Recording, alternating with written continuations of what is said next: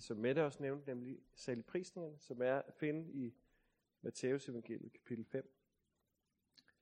Og øhm, der står, står mange udsagn der. Så jeg vil invitere dig til at åbne ørerne og hjertet og se, om der er noget, der rammer dig. Salig er de fattige i ånden, for himmeriget er deres. Salige er de, som sørger, for de skal trøstes. Salige er de sagtmodige, for de skal arve jorden. Salige er de, som hungrer og tørster efter retfærdighed, for de skal mættes. Salige er de barmhjertige, for de skal møde barmhjertighed. Salige er de rene af hjertet, for de skal se Gud. Særligt er de, som stifter fred, for de skal kaldes Guds børn. Salige er de, som forfølges på grund af retfærdighed, for himmeriget er deres.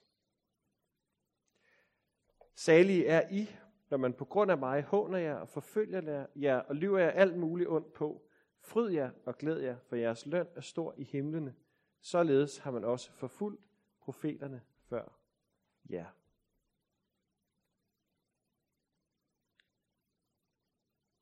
Så lyder det, som, øh, som vi skal bruge tiden på her til gudstjenesterne frem til påske.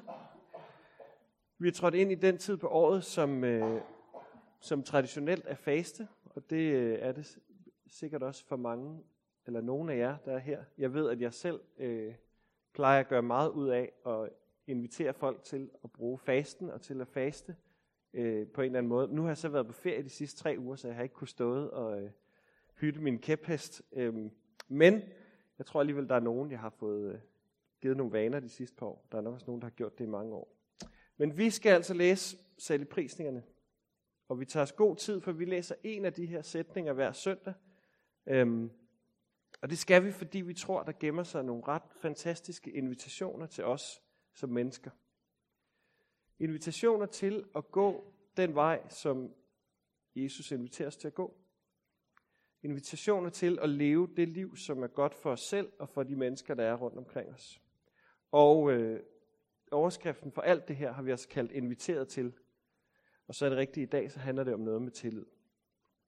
Og hvis I synes, at det virker sådan lige, lige godt nok, altså det er da, det er da en flot, øh, sådan, en flot skitse, vi kommer til at gennemgå de næste, de næste par, par søndage, eller ni søndage, så har vi 20 stjålet det fra en mand, der hedder Mark Scandret, så vi har ikke selv udviklet det.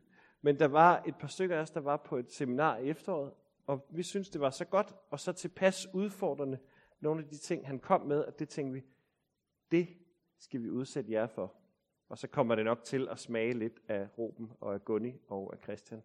Øhm, sådan har det jo med at være. Noget af det, som var mest udfordrende, det var, at ham, Mark Scandret, han havde sådan nogle, øh, jeg har lyst til at sige kropslige øvelser, men helt så, så fitnessagtigt er det ikke. Men øh, der, vi, skal, vi skal noget med kroppen om lidt. Og det bliver ikke hårdt, det bliver så, næsten alle kan være med. Eller, øh, jeg tror, ja, vi får se. Det er ikke hårdt.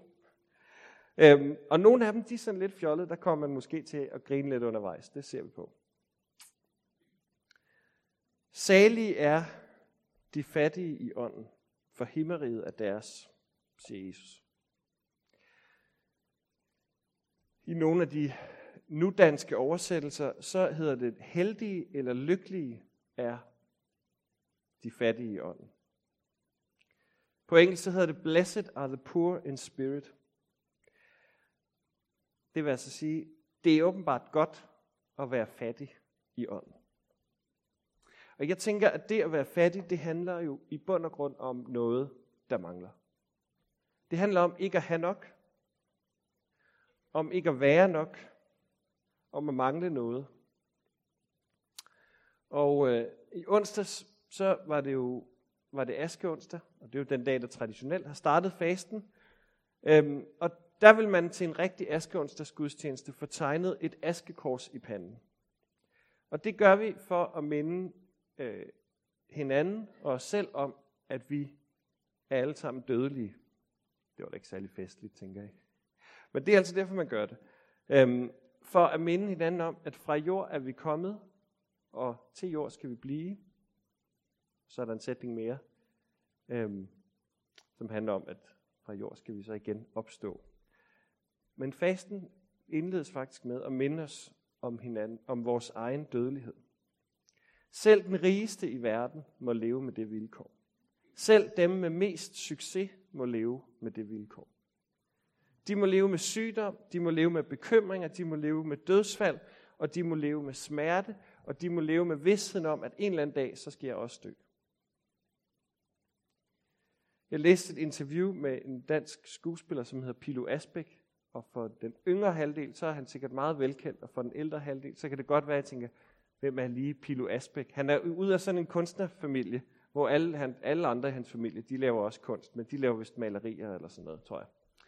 Øhm, men han er sådan en ret stor succes som skuespiller. Sådan er dansk øh, skuespil, så er han en af de største eksportvarer de sidste fem år. Øhm, jeg læste et interview med ham, og jeg læste i Alt for damerne. At jeg læste det på nettet, for det poppede sådan op. Jeg har ikke, jeg har ikke fysisk side med alt for damerne. Det kunne jeg godt have gjort, men det gjorde jeg altså ikke. Øhm, jeg læste i Alt for damerne, og der fortæller han om, hvordan han sammen med sin partner får parforholdet til at fungere, øhm, når han som, som øh, mand og som far er væk i måneder af gangen. Og han fortæller om, at de har simpelthen lavet nogle regler. Øhm, det er blandt andet noget med, at når man har været afsted i to måneder og optage film, og kommer hjem, så nytter det altså ikke noget, at man kommer ind ad døren som sådan en verdensmand, og, øh, og nu skal I bare lige høre. Altså så træder man ind i familien og er ydmyg og finder ud af, hvordan går det lige her i familien.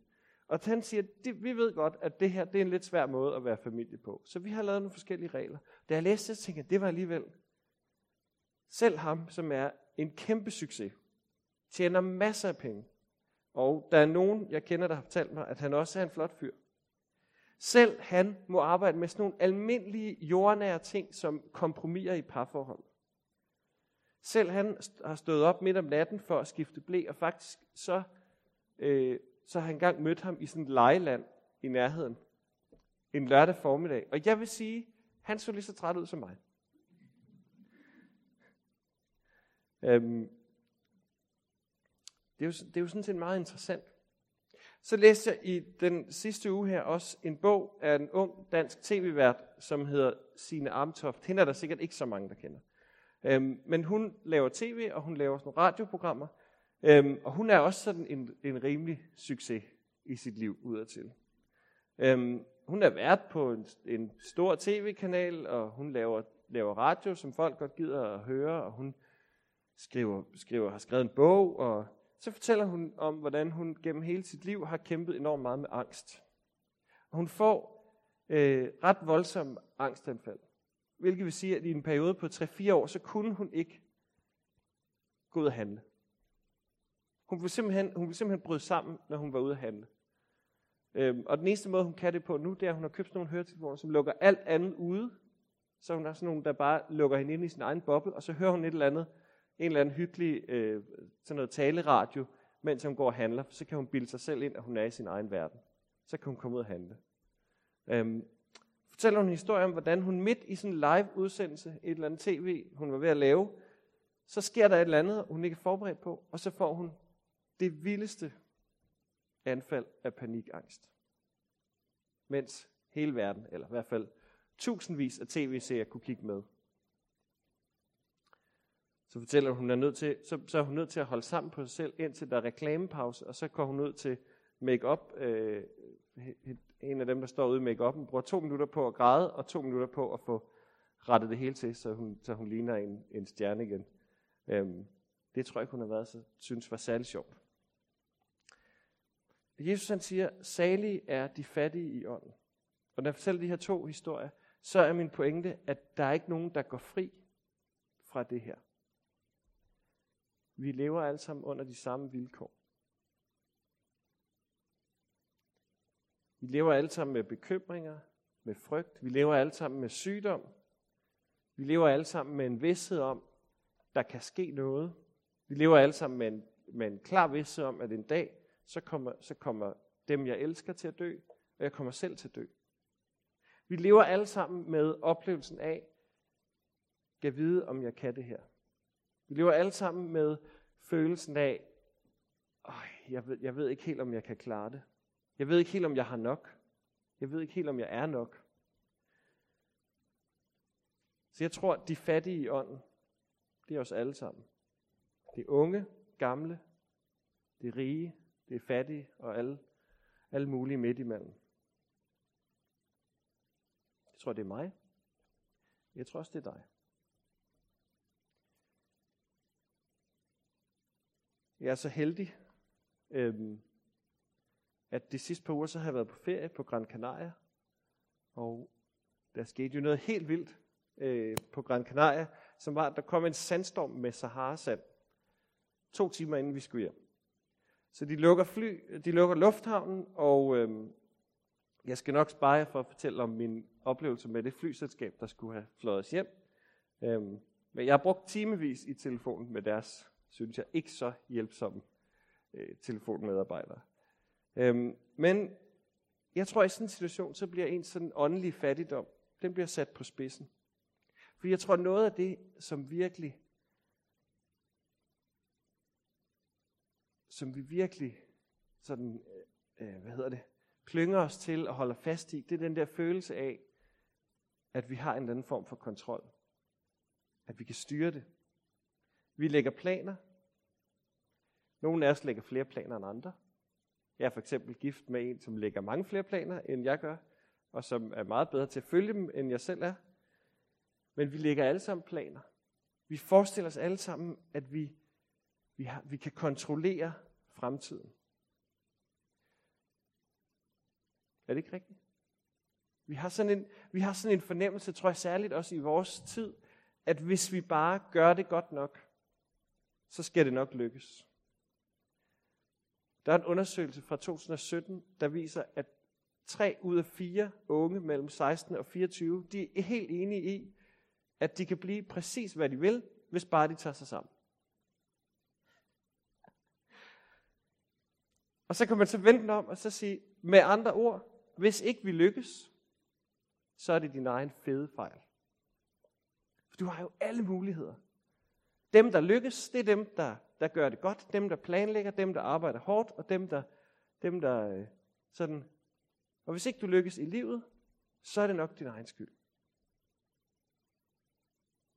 Jeg tror faktisk, det er det gældende, den gældende sandhed i vores tid. Prøv lige at tænke efter. Vi ser op til dem, der har succes, fordi vi tænker, de har nok fortjent det. Er det ikke rigtigt? Og dem, der ikke har så meget succes, kigger vi nogle gange på, i hvert fald sådan den overordnede i samfundet, tænker jeg, jo jo, men du kunne jo også bare have taget dig lidt sammen i gymnasiet. Ikke? Ben 17 år om at tænke på fremtiden. Altså, det er fuldstændig... Nå. Men er det rigtigt, at det er sådan? Det vil, jo, det vil være dejligt for retfærdighedsfølelsen. Det, det er jeg helt enig i. At folk altid får som fortjent. At vi lykkes, hvis bare vi gør det rigtigt. Hvis vi, hvis vi, hvis vi tager sammen og prioriterer og arbejder hårdt, så lykkes vi. Men er det rigtigt? Nej, det tror jeg simpelthen ikke. Vi kan faktisk ikke kontrollere fremtiden, og vi kan ikke engang styre eller garantere, at vi kan komme hjem fra en ferie, hvor vi har betalt en billet, og møde op i lufthavnen på det rigtige tidspunkt. Selv der kan vi ikke engang garantere, at vi kan komme hjem. Salige er de fattige i ånden. Og i mine øjne, så tror jeg, at det handler om alle de steder, hvor vi ikke slår til, hvor vi ikke har nok. Og noget af det, vi virkelig kan mangle, tror jeg, måske også særligt i vores del af verden, det er kontrol.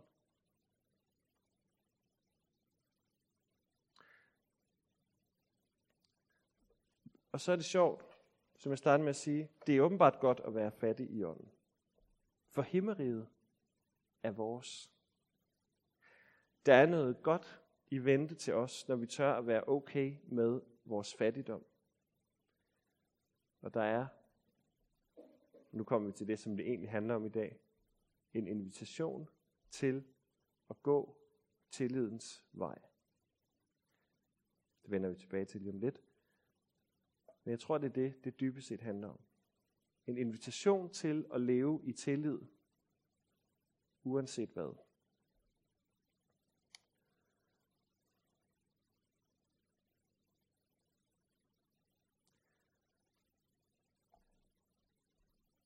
Åndelig fattigdom handler om, at vi ikke kan selv. Vi ikke har nok i os selv. Vi ikke kan kontrollere alting. Det handler om, at vi kan gøre vores bedste, og, og stadig lykkes tingene ikke. Og ofte, når vi føler, at vi mangler noget, som jeg tror fattigdom er, så bliver vi bange. Bange for, om vi nu kan klare det med det, som det vi lige har. I løbet af det sidste års tid, så har jeg opfundet min helt egen regel, som jeg kalder for 14-dages-reglen. Den er meget god i sådan hverdagssituationer. Så den får I lige med. Øhm, og det er, det er simpelthen den simple regel, som, har, som jeg bruger, når jeg står over for noget, øh, jeg ikke lige sådan kan overskue, eller noget, der, bliver, noget, der frustrerer mig, så tager jeg 14-dages-reglen i spil, og så siger jeg, betyder det her noget om 14 dage? For eksempel, når man ikke kan komme hjem fra en ferie, og man synes, det er vanvittigt frustrerende. Eller man får en parkeringsbøde. Eller, øhm, hvad kunne det ellers være? Eller at ens mand har glemt at slå brættet op eller ned, eller hvad det nu er. Der kan man også bruge 14-dages reglen.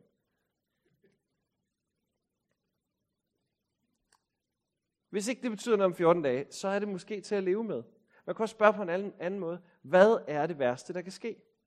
Da vi stod nede i lufthavnen, så, så, så var jeg også en rimelig frustreret, og man bliver sendt med to små børn, og klokken begynder at blive mange, og hvor skal vi sove? Og hvad er det værste, der kan ske? Okay, vi kommer ikke til at dø af det her. Det var sådan det første. Vi kommer til at overleve. Og det er næsten, for mig, så er det næsten sådan, okay, det, så går det nok. Det værste, der kunne ske, det var, at vi havde været nødt til at overnatte med, med to piger i lufthavnen. En på et og en på tre. Det havde ikke været fedt.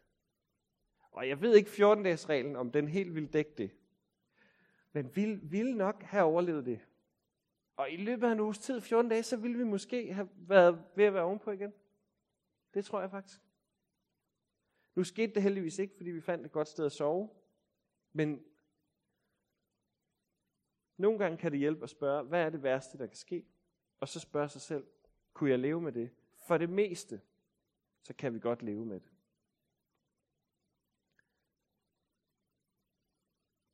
Jo mere vi virkelig udfordrer os selv, jo flere ting kan vi jo egentlig leve med.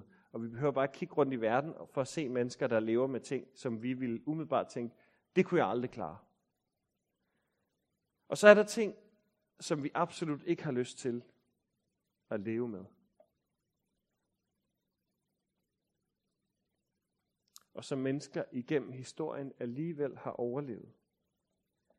For jeg tror, at virkeligheden er, at vi må leve med det, som vi har. Også selvom det er svært. Jeg kunne godt love jer noget andet. Jeg kunne godt sige, hvis du bare lever i tillid til Gud, så skal alting, alting nok gå. Og øhm, hvis du husker at bede og være en god kristen, så skal Gud nok belønne dig.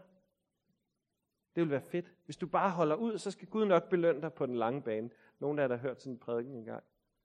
Ja. Så kom livet måske og udfordre den prædiken en lille bit smule. Jeg tror måske endda, at jeg kunne fylde kirken hurtigt, hvis jeg begyndte at holde sådan nogle prædikner.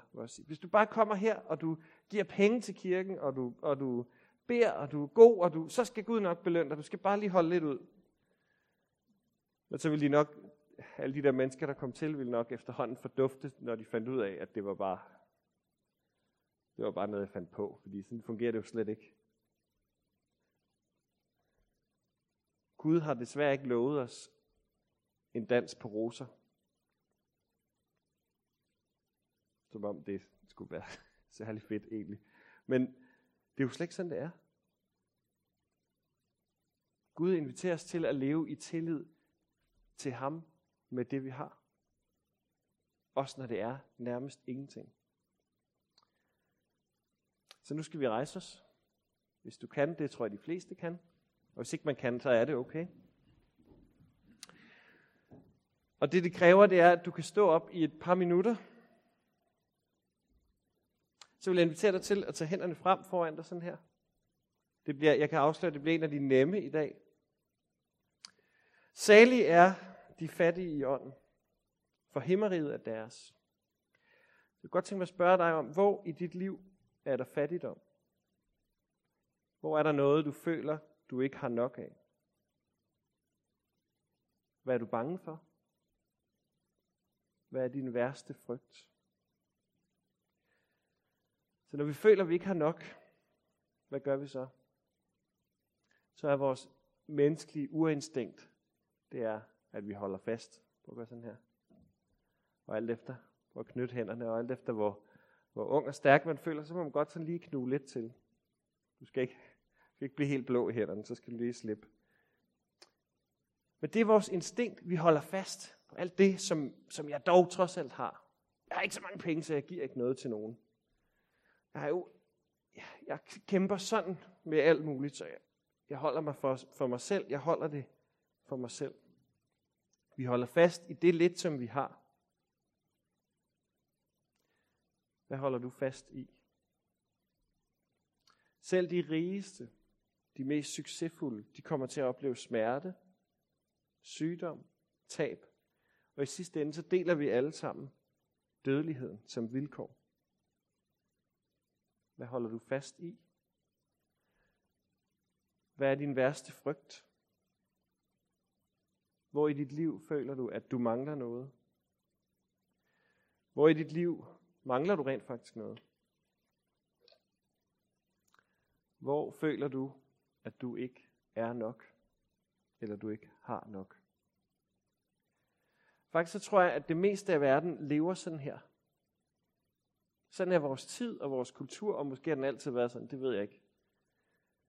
Det er en måde at leve på, som giver sådan et samfund, hvor at vi lever i konstant konkurrence, i konstant grådighed. Vi skal samle mere til mig, til mig. Det er den måde at leve på, som har, som har givet os, skænket os materialismen. Det er sådan, vi har lært at tilbe rigdommen. At tilbe dem, der, der er rige og har succes. Det er sådan, vi har lært, at mere altid er bedre. Nu kan jeg se, nu er der nogen af jer, der begynder at synes, nu er det lidt træls. Men det er faktisk, fordi det er faktisk lidt træls at leve sådan her. Det er en position, der handler om, at vi har ikke nok. Så vi må holde fast i det lidt, vi har. Og Jesus inviterer os til at leve med det, vi har, for det er fuldstændig rigtigt. Vi har ikke nok, og vi er ikke nok. Vi kan ikke klare os selv, for det var aldrig nogensinde meningen. Tillidens vej, den ser sådan her ud. Prøv må I godt åbne hænderne. Og det var faktisk meget rart, var det ikke? Det, var, det, er, faktisk, det er faktisk lidt rart at, at stå sådan her. Tillidens vej er en invitation til at åbne hænderne. For det er helt rigtigt, vi har ikke nok i os selv. Det er helt rigtigt, vi er slet ikke skabt til at leve kun med os selv og med os selv for øje. Vi er ikke skabt til at skulle klare den selv. Vi er skabt til at leve i tillid, i relation, i relation til andre mennesker. Vi er skabt til at leve i relation til den levende Gud. Vi er slet ikke skabt til at kunne kontrollere fremtiden. Vi er skabt til at leve med åbne hænder for verden. For den her dag. Vi er skabt til at leve gavmildt, for det gør en åben hånd. Den giver. Kærligt. Vi er også skabt til at leve med åbne hænder for Gud. Så den her position er også den, vi, vi har, når vi vil tage imod noget, der bliver givet til os. Vi er skabt til at gå tillidens vej. Så hvor i dit liv mangler du noget? Eller føler du mangler noget? Hvad frygter du? Hvordan ville det se ud for dig at gå tillidens vej igennem det? Salige er alle os, som tør indrømme, at vi er ludfattige i ånden. For himmeriget er vores. Salige er de, som lever med det, de har i tillid til Gud. Vi er bare stående med, med åbne hænder, den er ikke så hård, mens jeg beder for os. Jesus, tak fordi, at vi kan tro på, at uanset hvilken vej vi går, uanset hvor bøvlet, hvor hård, hvor næsten ubærlig, eller hvor fuldstændig ubærlig vores vej er, så kan vi leve i tillid til dig, og i vidshed om, at du har også gået den vej. Og du har gået den før os. Vi kommer til dig som små mennesker, med ikke ret meget. Vi lægger det hos dig. Jeg beder dig for alle os, som prøver at klare det hele selv, som prøver at kontrollere alting selv. Jeg beder dig om, at vi må få lov til at åbne hænderne og sige, jamen uanset hvad der sker, så må jeg prøve at leve med det, som jeg har. Og så må jeg stole på, at du er lige her sammen med mig. Jeg beder dig for alle dem, som skal gå igennem noget, som de faktisk godt kan leve med, men som er rimelig hårdt. Jeg beder dig om, at du må følges med dem i det. Jeg beder dig for dem, som har gået igennem, eller som skal gå igennem noget, som faktisk er for hårdt. Som er så hårdt, at de faktisk ikke kan blive ved med at stå op. Jeg beder dig om, at du må bære dem på dine skuldre igennem det.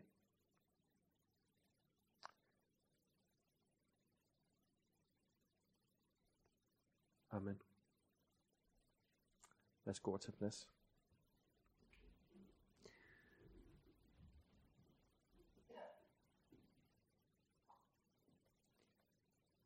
Hvis du er her for første gang, så vil jeg sige, at vi gør aldrig sådan noget her ellers. Men så kan jeg så sige, at vi gør det så de næste otte søndage, så jeg ved ikke helt. Kom igen om 10 søndage, hvis du virkelig synes, det her det var det værste, du nogensinde har været med til. Men min oplevelse er, at det hjælper faktisk noget i forhold til, at det ikke bare bliver et eller andet intellektuelt, nå, det var da meget fint, det han sagde, eller nå, det kunne jeg ikke bruge til noget. Hver søndag så vil du få mulighed for at, øh, at få en lille seddel med hjem, hvor vi har lavet tre gode ting, som man kan gøre i løbet af ugen for at øve sig på at sådan tage søndagens tema endnu mere ind. Der vil være sådan en lille refleksion, hvor man kan sidde ned og, og øh, arbejde med et eller andet. Det står godt forklaret. Så vil der være en måde, du kan bede på. Jeg kan afsløre, at den her, den her uge, så er det at sidde i fem minutter med åbne hænder og, øh, og øve sig i bare at sige, jeg vil leve i tillid med det, som jeg har. Og så vil der være en udfordring, et eksperiment, øh, som man kan lave i den, i den kommende uge. Vi har lavet dem, fordi vi tror, at det er så vigtigt, at de ting, vi taler om i kirken, at de får krop, at de får ben at gå på i vores liv, fordi ellers så ender det oftest bare i snak. Så se det som en hjælp til at gå tillidens vej, og vi kommer ikke til at tjekke, hvor mange der har lavet øh, alle opgaverne næste søndag. Men det er, det er en gave. Tag den og brug den, eller smid den i skrald. Eller hvis du bare vil smide den ud, så bare lad være med at tage den. Men øhm, de skulle gerne ligge et eller andet sted. De ligger lige der, op på, øh, op på pul. Den kan man lige tage på vej ud.